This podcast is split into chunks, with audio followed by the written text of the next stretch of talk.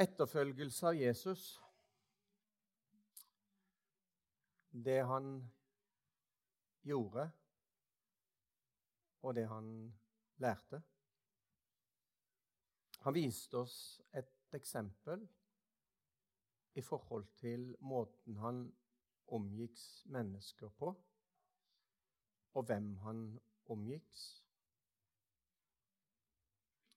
Jeg har jo mange ganger det senere tid sitert Paulus på når han sier 'omgås i visdom med dem som er utenfor'. Altså sier Paulus 'omgås med dem som er utenfor'. Og det gjorde Jesus. Han omgikk med det som var utenfor. Hans nære indre krets men det var jo hans nære indre krets som var menigheten hans, for å si det sånn. Så det var jo de nærmeste og de tetteste, og det som var tettest på.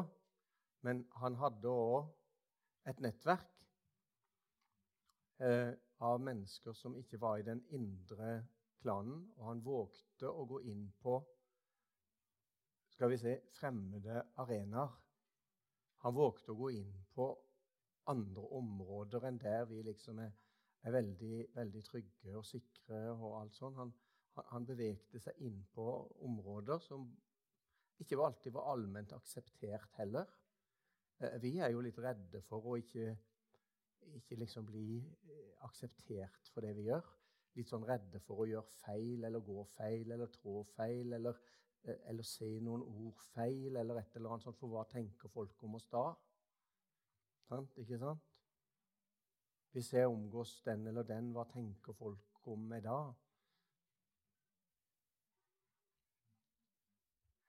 Jeg husker eh, eh, i, i, min ungdom så, så, så, ble det sunget en sang som sa Der hvor Jesus utestenges, skal du ikke selv gå inn. Jeg husker en gang vi var på, når jeg gikk på gymnas, var vi på skoletur til Gøteborg. Og så, og så, skulle jo hele gjengen inn på et eller annet eh, sånn utested på kvelden. Og jeg kom til døra og fikk den sangen midt i fleisen. Men jeg gikk inn. Jeg gjorde det, altså. Men, men det er sant. Jeg fikk den midt i, liksom. For jeg hadde jo lært at et sånt sted der gikk jo ikke Jesus inn, men det var jo det han gjorde. Det var jo ikke, det var jo ikke, det var jo ikke en stengt dør for Jesus å gå inn på et sånt sted. Men, men, men altså min samvittighet og min opplæring den var til at uh, dette var ei stengt dør for Jesus, og da skulle iallfall ikke jeg gå inn. Og så, og så, får du, ikke sant, fordi du har denne opplæringa og denne samvittigheten som er forma etter det du er lært opp til, for den er jo det, Samvittigheten formes jo av det vi er lært opp til. Jeg kunne godt ha hatt en kveld om samvittigheten, for det er en spennende greie. Eh, om hvordan den eh, formes til etter forskjellige sånn, regler. Den er ikke noe, den ikke noe eksakt styringsorgan eh, for eh, hva som er rett og galt, selv om den kan hjelpe oss litt på vei. Men i alle fall eh, et eksempel på hvem Jesus omgikk, og på hvilken måte han omgikk mennesker. For uh, forrige søndag så var jeg på Klippen på Vea. Og for ah, en måned, to siden kanskje, så ringer Kenneth Dahl, ledende eldste på Klippen på Vea, og så sier han vi gleder oss til du kommer på besøk. Jeg har en tekst til deg som du skal preke over når du kommer på besøk. Ja, takk skal du ha. Det handler om visjon, og det handler om retning. Det handler om en menighet som ønsker å gi en menighetsledelse som ønsker å gi menigheten sin det som kan føre dem i den retningen som de ønsker. Og så sier vi ja, men Predikanten skal vel få ifra Gud. Og formidle det budskapet han har fått ifra Gud. Vi er jo ikke vant til gamle predikanter sånn som meg. Vi er jo ikke vant til at noen skal fortelle meg hvilken tekst jeg skal preke over. Vi er jo vant til at liksom, teksten den, eh, den, skal komme liksom, altså Når jeg begynte, eh, så, så, var det jo sånn at teksten skulle komme i samme stund. Altså, Vi kunne jo ikke vise, eh, vi kunne jo ikke vise forsamlingen engang at jeg hadde skrevet noen tanker på et papir. For det var jo ikke åndelig. Å ha tenkt på forhånd var jo ikke åndelig. Så når en hadde et papir, så måtte jeg jo klippe det til og gjemme det sånn at det passa akkurat inn i Bibelen, sånn at ingen så at det lå der som noen sånn jukselapp. Ja, men det var sånn. Fordi at åndeligheten var jo at en skulle få det der og da. Jesus sa jo det at en skulle, skulle, få det i samme stund. Gjorde han ikke det? Men hva var det? Det var når du ble stilt for domstolen, det. Ja. Så når du pga. forfølgelse blir stilt for domstolen, så skal du slippe å hente fram en gammel preken. Men da skal han gi deg det du trenger. Det har han lovt oss. Det kan jo være et løfte som passer inn i den konferansen som kommer etter helga. Men det handler altså ikke om frie predikanter. Jeg tror at Gud kan tale til eldsterådet på Klippen på Vea og gi dem en åndsinspirasjon på hva de ønsker at skal presenteres for menigheten, for at menigheten skal vokse og gro i den retning som jeg mener Gud har vist dem. Jeg tror Den hellige ånd kan tale til eldsterådet i Elvemyn familiekirke og gi dem en retning. Og at det kan formidles til noen som kan formidle det videre med de gavene som jeg har fått. Så fikk jeg altså en tekst, Markus evangelium, kapittel 16, 15-18. Kjære Gud, tenkte jeg da. Hva står det for noe i Markus evangelium, kapittel 16, vers 15-18?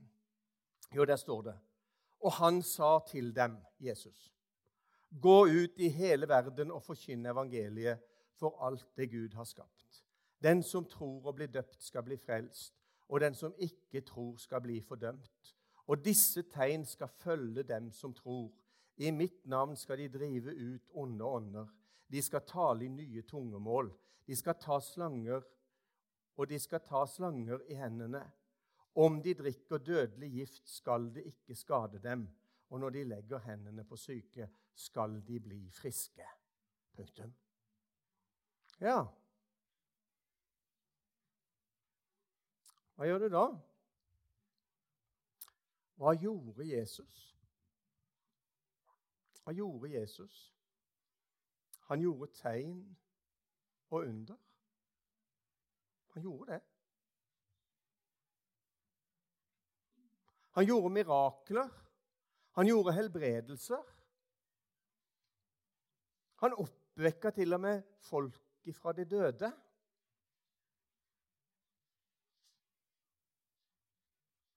Og så, og så sier han altså til sine disipler Dere skal gå ut i hele verden. Så skal dere forkynne evangeliet for alt det Gud har skapt. Og folk skal tro, og de skal bli døpt. Og de skal bli fri fra fordømmelse. Og disse tegn skal følge dem som tror. Hvem var denne gjengen som Jesus sendte ut? Jeg måtte jo få lov til å lese teksten litt i sammenheng.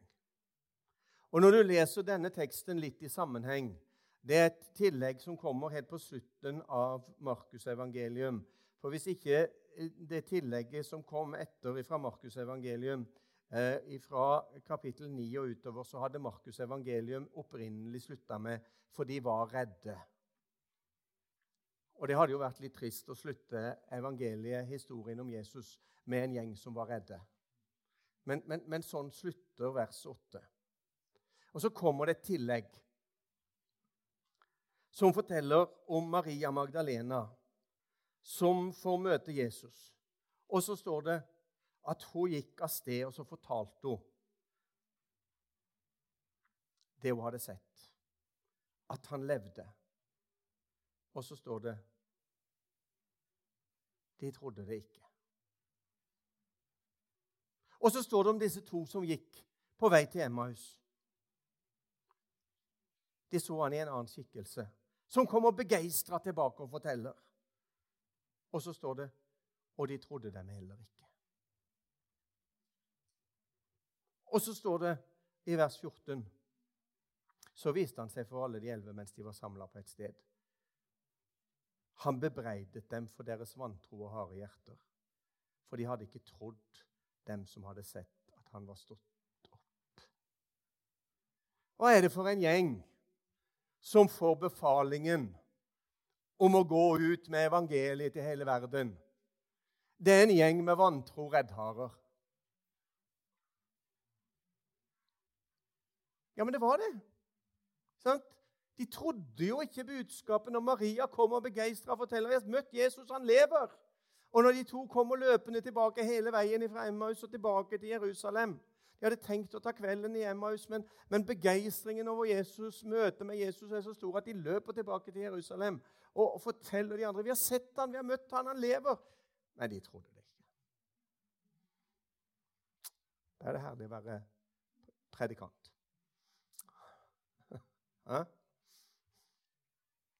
Så kommer Jesus sjøl. Så bebeider han dem for vantro. Og så syns jeg at inn i denne teksten så kunne Markus ha lært litt av Lukas. For når Lukas skriver om disse begivenhetene, så sier han til denne gjengen av redde og vantro men dere skal bli i byen inntil dere blir ikledd kraft ifra det høye. Og så sier Lukas i apostelgjerningenes første kapittel, vers 18.: Men dere skal få kraft idet Den hellige ånd kommer over dere, og dere skal være mine vitner både i Jerusalem, i Judea og Samaria og like til jordens ende. Du skjønner det at Dette oppdraget som Jesus ga, det kan aldri utføres i egen kraft og i menneskelig kraft. Skal vi kunne følge Jesus, inn på dette området. Han gjorde, Hva gjorde han? Han gjorde tegn, han gjorde under, han gjorde helbredelser. Så skjer ikke det ved kraft eller makt, ved menneskelige prestasjoner, ved det du og jeg kan få Det er ingen av oss som har kvaliteter i oss til det. Men vi har fått et løfte. Vi har fått et løfte. Jeg skal gjøre dere til, og dere skal få kraft idet Den hellige ånd kommer over dere. Og dere skal være mine vitner. Så det var ikke det at disse her var så velkvalifiserte og sånne supertroende. Og sånne kjempeoveråndelige. Det var jo ikke det i det hele tatt. Men det var det som fikk oppdraget om å gå som Jesu etterfølgere og føre evangeliet inn i apostlenes gjerninger og føre det videre til neste generasjon. Og føre det videre og gjøre noen, lede noen til å bli Jesu etterfølgere. Så skal dere gå ut og så skal dere forkynne. Og så skal dere få oppleve at den, når dere forkynner, så skal mennesker tro. For den som tror og blir døpt, han skal bli frelst. Så dere skal forkynne mennesker til tro og den skal forkynne mennesker til dåp. Og den som ikke tror, han skal bli fordømt. Så dere skal forkynne mennesker fri fra fordømmelse. Og jeg tror Det er noe av det viktigste oppdraget vi har i dag. Det er å forkynne mennesker fri fra fordømmelse. Altså, det handler om, altså Ser du rekkefølgen? De skal forkynne, og de skal komme til tro. Og det som ikke kommer til tro, det er under fordømmelse. Men det som er kommet til tro, det er fri fra fordømmelse. For det er ingen fordømmelse for den som er Kristus Jesus. Så jeg tror at noe av vårt hovedoppdrag det er å forkynne mennesker til tro. Og det er å forkynne mennesker til frihet fra fordømmelse. For troen kommer av forkynnelsen. Forkynnelsen av Guds ord. Troen kommer. Troen kan ikke presteres. Troen kan ikke lages. Troen kan vi ikke liksom presse på noen på noen som helst slags måte. Men Paulus er tydelig og sier troen kommer av forkynnelsen. Forkynnelsen av Kristi ord. Gå ut og forkynne evangeliet. Og Går du ut og forkynner evangeliet, så skal du få kjenne at Den hellige ånds kraft er over deg, og du skal få lov til å oppleve at mennesker kommer til tro, til dåp, blir fri fra fordømmelse. Og disse tegn skal følge dem som tror.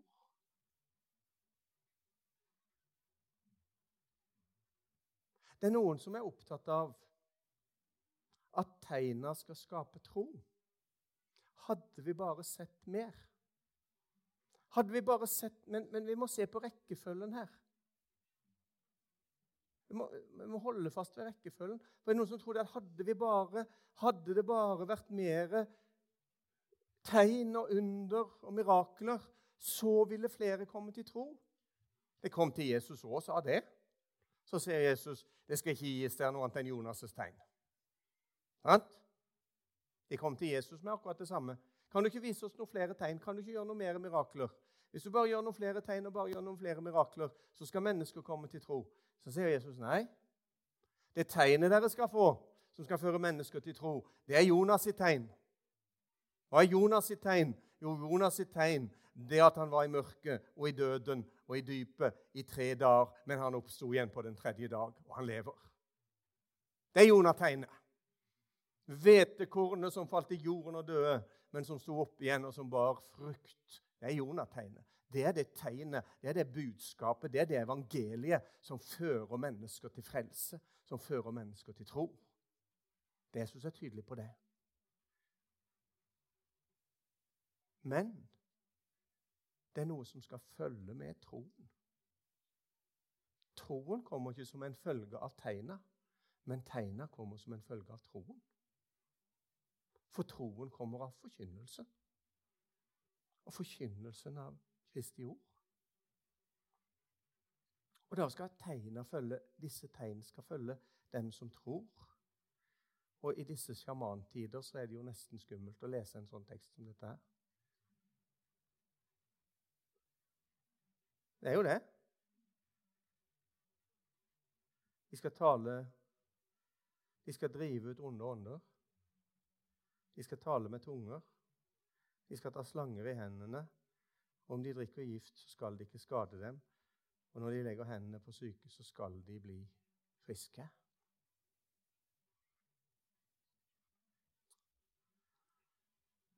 Og jeg syns det er krevende, dere. Jeg må innrømme det. Jeg syns det, det, det, er krevende, den tida vi lever i, i forhold til dette med åndelighet og det som vi står midt oppi. Altså Det er vel to uker siden nå. Så kan vi mene hva vi vil om TV Visjon Norge.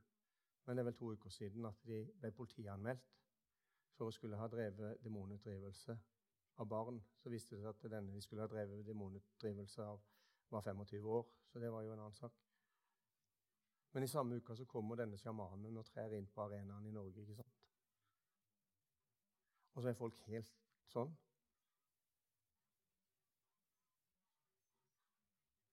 Vi lever i en tid som er utfordrende, og som er krevende på mange måter. Her, her er det viktig for oss å være Jesu etterfølgere. Som vet hvem han var, som vet hva han sto for. Som har fulgt han så tett at vi har sett hva han gjorde, og vi har sett på hvilken måte han gjorde det. Vi har hørt hans undervisning, og vi har lært av hans undervisning. Og vi lar oss ikke kaste og drive av ethvert lærdomsvær. Men vi er kalt til å forkynne evangeliet. For evangeliet er en Guds kraft til frelse for den som tror. Men midt inni dette åndelige virvaret så trenger vi virkelig Den hellige ånds kraft for å våge å stå og forkynne evangeliet i den tida som vi lever. Jeg opplever det sånn. Det er krevende. Men jeg tror på at han er den samme Han er den samme i dag. Han som gikk omkring og gjorde tegn og under. Han som sa til sine disipler disse tegn skal følge dem som tror. Jeg er så heldig at det, siste halve året, cirka godt og vel, har fått lov til å, til å være med i det som kalles for pinsebevegelsens teologiske refleksjonsgruppe. Hørtes ikke det fint ut? Eh, men, men der er det altså der er det, der er det altså samla en god del skarpskodde teologer. Eh, for det begynner faktisk å bli en del teologer. Det, det, er faktisk en del i frikirkelig sammenheng i Norge som har skjønt at det behøver ikke å være feil å studere teologi.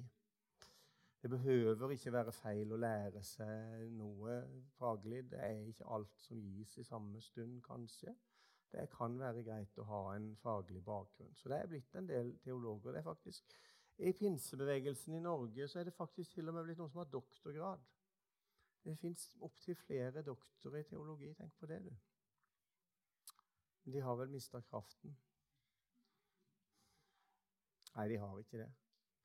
Det er utrolig inspirerende for en uh, ulærd uh, lekmann som meg å få lov til å være sammen med disse menneskene. Uh, det siste møtet vi hadde, så var det helbredelse som var tema. Det er ganske spennende å sitte sammen med folk som liksom begynner å diskutere genitivsendinger i bøyninger på gresk og sånn. Ganske morsomt, det.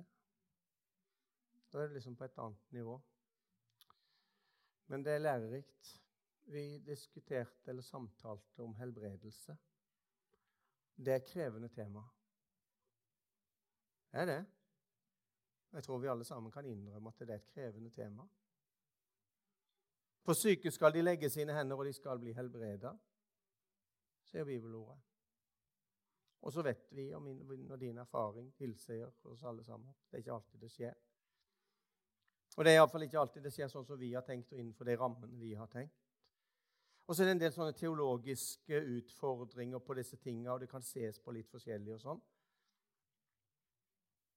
Men så oppsummeres dette møtet som vi hadde, på følgende måte at det er enighet om én ting. Dette lengter vi etter å se mer av. Vi er ulike. Vi ser på det på ulik måte. Det er litt ulike teologiske tilnærminger til det. Men vi lengter etter å se mer av Jesus rekker ut sin arm til helbredelse, til tegn og til undergjerninger, sånn som det står.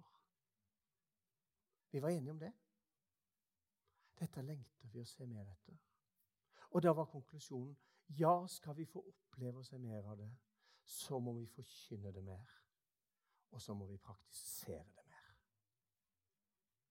For da kommer det til å skje mer. Hvorfor det? Troen kommer av forkynnelsen og disse tegn skal følge dem som tror. Derfor så må vi våge, midt inn i denne forvirrende åndelige tid, så må vi våge å forkynne det mer. At Jesus gjør under i dag. At Jesus helbreder i dag. Vi må våge å forkynne det. Og vi må våge å praktisere det. Og så er det ikke vårt ansvar på resultatet. Like lite som det var disiplenes ansvar på resultatet når Jesus sa 'Jeg skal gjøre'. Vi må overlate det til Han, for det er Han som har sagt det, er Han som har gitt løftet. Men vi tror på erfaringen vår tilsier at når vi forkynner og praktiserer, så vil det skje mer.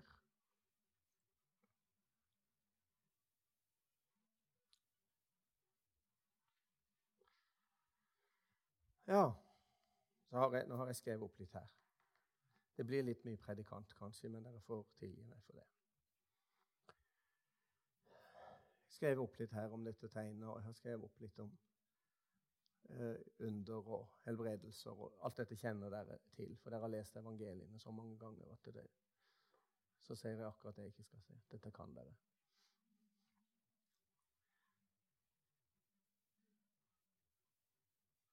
Jesu undervisning er noe å hente der. Det han gjorde, og det han lærte. Vi har kanskje lett for mange ganger at vi ser mest på det han gjorde. Det er kanskje lettere liksom, å, hente fram disse her historiene om når han gjorde tegn og under, når han gikk på Genesaretsjøen, når han gjorde fem brød og to fisker til nok til mange tusen osv. Det, det er kanskje lettere å se på det enn å, enn å, enn å liksom gå inn og studere på undervisningen hans. Og, og vi Jeg må ta meg sjøl i det òg litt. Eh, det er jo ikke så behagelig, kanskje, men Jeg har personlig vært altfor lite flink til å bruke Jesu undervisning i min egen undervisning. Jeg har veldig mye brukt Paulus og Paulus-skriftene og det han forteller om Jesus. Men, men, det er klart, i Jesu egen undervisning så ligger på en måte basisen.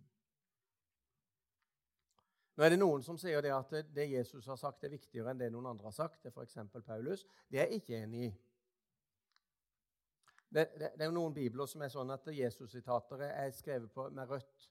Og, og, og jeg, la det være det det er. Men, men, men hvis det at Jesus-sitater er skrevet med rødt, betyr at Jesu ord er viktigere enn Paulus' ord, så er jeg ikke enig. For jeg tror at hele Skriften er innblåst av Gud. Enten det er Jesus som har sagt det, eller det er Lukas som har skrevet det, eller det er Paulus som har skrevet det, eller det er Johannes eller hvem det måtte være som har skrevet det, så tror jeg at det er Guds ord like fullt. Uansett. Men det er klart at Jesu undervisning den har noe å lære oss. Og så har vi jo på ingen måte verken tid eller mulighet til å gå gjennom alt dette her.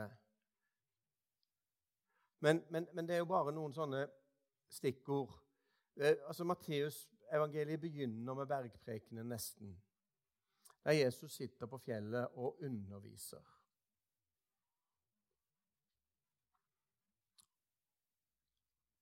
Skulle gjerne vært der. Mm. Ja, vi skulle jo det. Så I kapittel 13 så forteller han alle disse lignelsene om himlenes rike. Så samtaler han med disiplene, selvfølgelig. Så samtaler han med fariseerne, de skriftlærde, teologene. De som kjente Skriftene. Han er ikke redd for å gå i samtaler og diskusjoner med dem. Så underviser han disiplene i praktisk bønneliv. Når dere ber, så skal dere ikke gjøre sånn som hedningene. Det er sånn som fariseerne, som går fram og stiller seg fram og ber og remser opp lange bønner for at det skal bli sett av andre. Men når du ber, så kan du gå inn i lønnkammeret ditt og lukke døra di, og så kan du være alene med Gud og be. Så er det ikke det, det samme som at ikke vi skal be så offentlig, men bønnelivet, det er der. Og så kommer disiplene til henne og sier Herre, lær oss å be. Og så lærer han de denne bønnen, som, som vi kan godt, kanskje for godt. At det blir at vi bare leser den, eller siterer den, eller Vår Far, du som er i himmelen. Påkallelse, bønn ei takksigelse. Taler om de siste tider. Det er vanskelig, krevende stoff.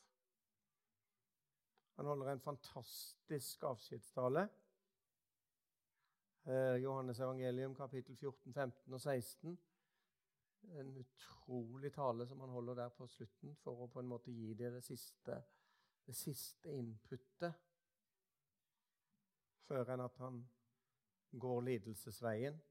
Og så avslutter han jo det hele med denne mektige bønnen Johannes evangelium, kapittel 17. Masse undervisning som kan lære oss en mengde ting, og som er viktig. Jeg nevnte Emmausvandrerne her i stad. Det fikk, det, det fikk tidenes eh, bibelundervisning. den der spaserturen fra Jerusalem til Emmaus, det, det tror jeg var tidenes bibelskole. For da står det at da gikk han igjennom Skriftene fra Moses. Hæ? Da går han igjennom systematisk Skriftene fra Moses og utover, og så underviser han de på veien.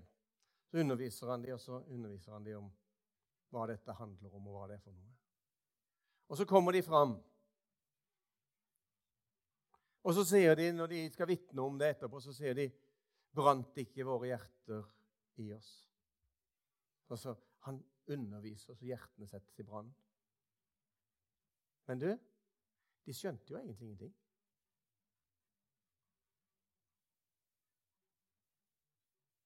Det har du aldri tenkt på. Men bare les teksten i sammenheng, så skal du se at egentlig, i tross av denne undervisningen som var så grundig detaljert gjennom hele veien, og tross at han underviste så hjertene var i brann, så skjønte de jo ikke hvem han var. De skjønte jo ingenting. For det, for det at når han underviser fra Moses og profetene opp gjennom hele veien, hva er det han snakker om? Han snakker selvfølgelig om seg sjøl som budskapet i hele undervisningen, så handler det jo om han.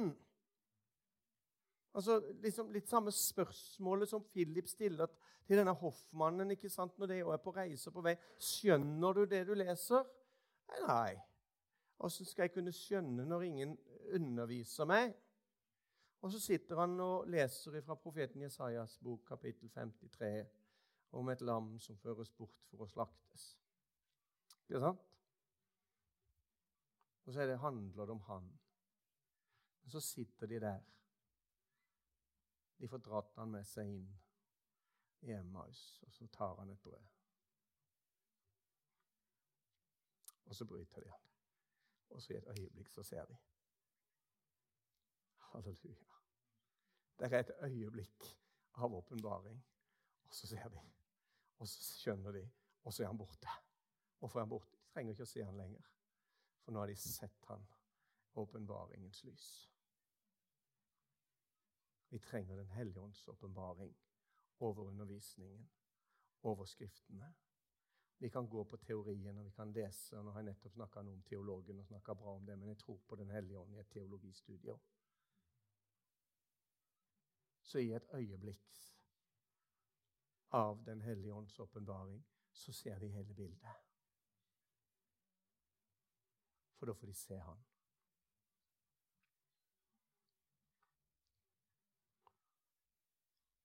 Etterfølgelse av Jesus.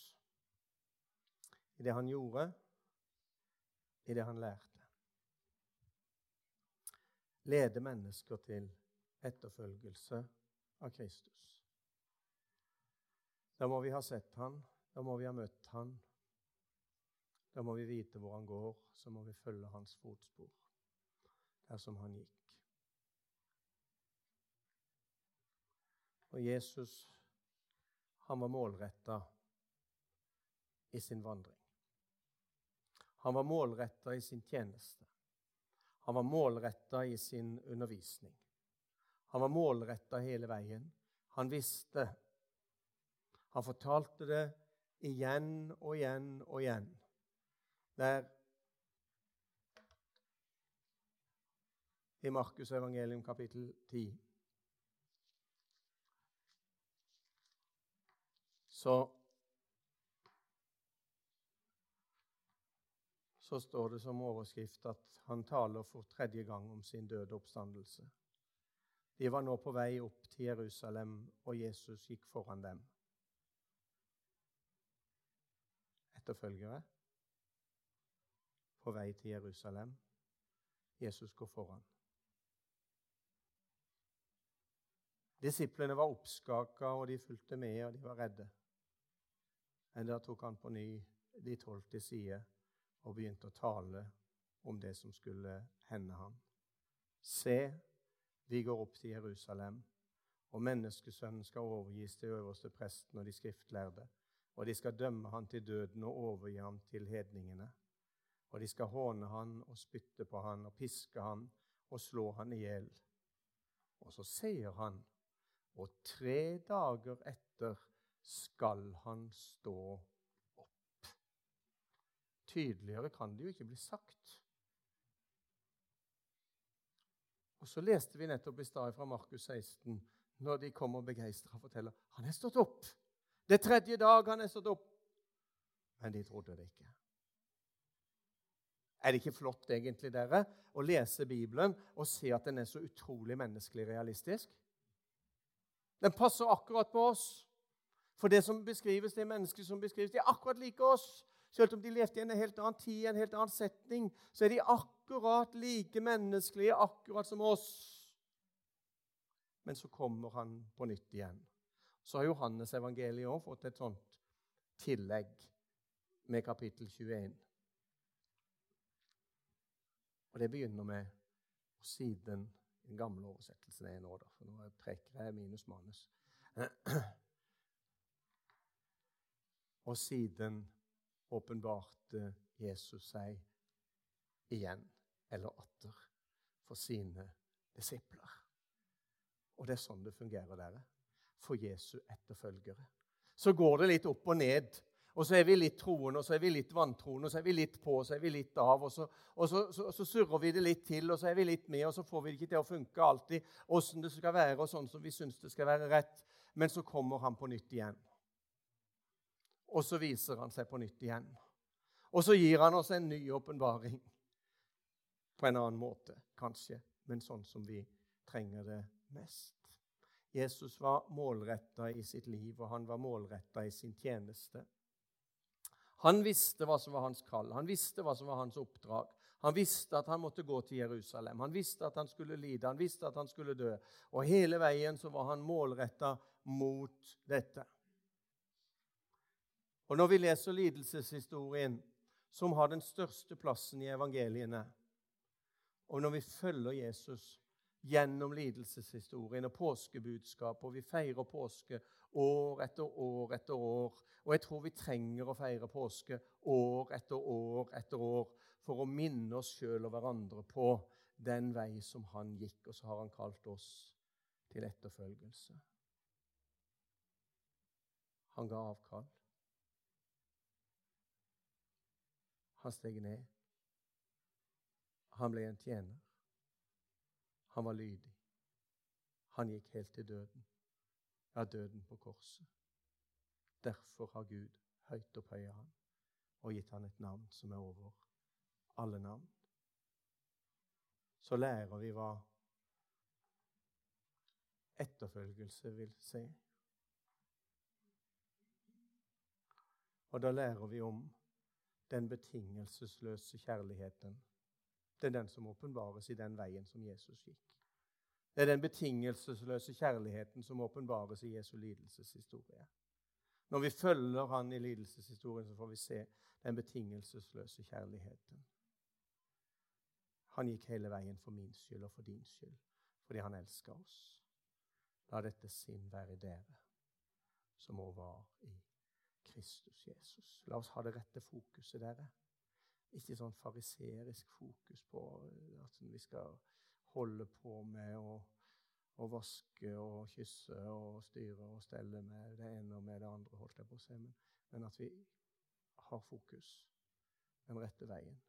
Den veien som Jesus gikk. Ja, tilbake til utgangspunktet. Visjonen var å lede mennesker til Guds betingelsesløse kjærlighet og til etterfølgelse av Jesus. Og Så stiller jeg et spørsmål. På hvilken måte iverksettes denne visjonen? Det er jo greit å tale om eh, det med store ord. Så sa jeg litt Og dette som står videre nedover nå, det er det som Eldsterådet har beskrevet. Det er ikke mine, det er ikke mine greier, det som kommer nå. Det som kommer nå, er Eldsterådet. Det som har vært nesten fram til nå, det er mitt, men dette her er Eldsterådet sitt. Sa jeg litt om det første punktet? På hvilken måte skal det skje? Jo, det skal skje gjennom å leve åpne og inkluderende liv. Det sa jeg litt om sist. Om å, om å våge å leve åpent og, og, og våge å være inkluderende. Men så sier de videre med Jesus, med inspirerende og Jesus-fokuserte samlinger. Og så stiller jeg spørsmålet har vi det. Er det det i Elvebyen familiekirke? Det er du som bidrar til det. Det er jeg som bidrar til det. Det er vi som er her, som må sørge for det. At samlingene når vi kommer sammen, eh, det er inspirerende og Jesus-fokuserte. Sånn at folk får smak og lyst til å Kanskje først må de få lyst til å komme tilbake. For hvis ikke de har lyst til å komme tilbake, så har de jo ikke lyst til å få tak i det som er innholdet heller. Men hvis de får lyst til å komme tilbake og kanskje har fått smaken på at, at her er det noe som er verdt å få tak i, så kanskje de til og med får lyst til å følge Jesus. Og Det er jo det som er målet vårt og bønnen vår for samlingene våre. At de skal være sånn inspirerende og Jesus-fokuserte at folk får lyst til å komme tilbake. Et varmt og trygt fellesskap for folk i alle aldre. Har vi det? Er det sånn at alle generasjoner kan føle seg hjemme, kjenne tryggheten, kjenne varmen? Du trenger ikke være redd for at du skal bli møtt med fordømmelse, men du møter åpenhet og varme i et åpent og varmt fellesskap. ved Guds ord, ved bønn og ved Den hellige ånds ledelse. La oss be. Jesus, vi takker deg for at du kom, og så gikk du foran. Og så gikk du hele veien, helt til korset. Takk at det var for min skyld. Takk at det var for vår skyld. Og så hjelper du oss, Jesus, at vi kan få lov til å gå i dine fotspor. At vi kan følge der du har gått. Hjelp oss å se det du gjorde, og det du fortsetter å gjøre. Hjelp oss å ta imot den undervisning som du gav, og som fremdeles er gyldig og gjeldende for oss i dag. Velsign hver og en av oss. Velsign menigheten vår. Velsign eldsterådet vårt. Velsign alle som er i tjeneste på et eller annet vis. Og hjelp oss at vi kan stå fram med ett hjerte, med ett sinn, for å vise mennesker din uendelige, grenseløse, betingelsesløse kjærlighet. Og at vi kan hjelpe mennesker, forkynne mennesker til tro, til frihet fra fordømmelse. Så vi kan se at du stadfester ditt ord med det tegn som følger med. Det gjorde du for dine disipler som i svakhet og til kortkommenhet gikk ut. Men de gikk på din befaling, og de forkynte på ditt ord. Og så gikk du med. Og så har du lovt å gå med oss. Og så stadfesta du ordet. Og så vil du stadfeste ordet òg i vår tid. Vi kjenner at vi lever i en krevende tid. Vi kjenner at det er mange utfordringer på den åndelige arenaen. Men Herre, la oss få oppleve på nytt igjen at kraften fra det høye kommer over oss som menighet så vi ikke står i vår egen svakhet eller forsøker å stå i vår egen kraft, men at vi står rusta med Guds fulle rustning i den kraft som du har gitt oss. Takk for denne kvelden. Velsign oss, Herre, og la det bli mer enn ord, men at det blir en del av vårt liv. Vi ber om det i Jesu navn. Amen.